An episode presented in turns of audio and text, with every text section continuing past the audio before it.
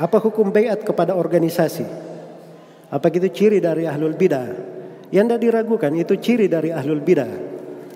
Itu ciri di masa sekarang di kalangan ikhwanul muslimin, hizbut tahrir, dan kelompok-kelompok yang semisal dengannya. Ikatan loyalitas kepada selain kepala negara. Dan itu tidak diperbolehkan. Bayat itu hanya untuk kepala negara saja. Tidak ada bayat untuk selain kepala negara bayat untuk kepala negara atau siapa yang ditunjuk oleh kepala negara sebagai pimpinan pasukan atau wilayah. Nah, itu bayat untuknya itu nggak ada masalah. Jelas ya?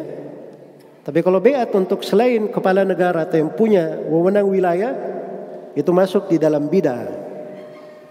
Dan itu tidak pernah dikenal.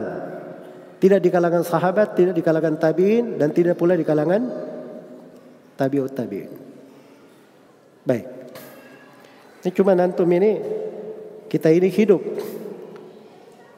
di masa banyak terjadi perbuatan-perbuatan mungkar seperti ini.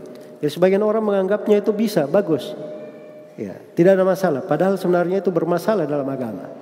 Apalagi bayat ya, bayat itu sumpah setia.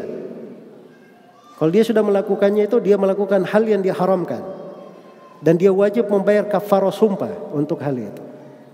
Kalau dia tobat dia harus membayar kafarah sumpah. Maka yang pernah beat-beat ke organisasi ini sudah tahu hukumnya haram, begitu dia tobat maka dia harus bayar kafarah sumpah.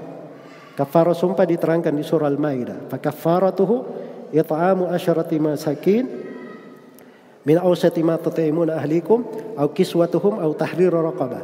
Faman lam yajid fasiyamu thalathati ayyam.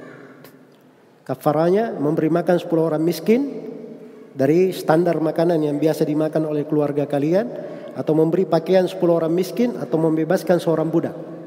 Tidak mampu salah satu dari tiga ini puasa tiga hari berturut-turut. Itu kafaranya. Baik.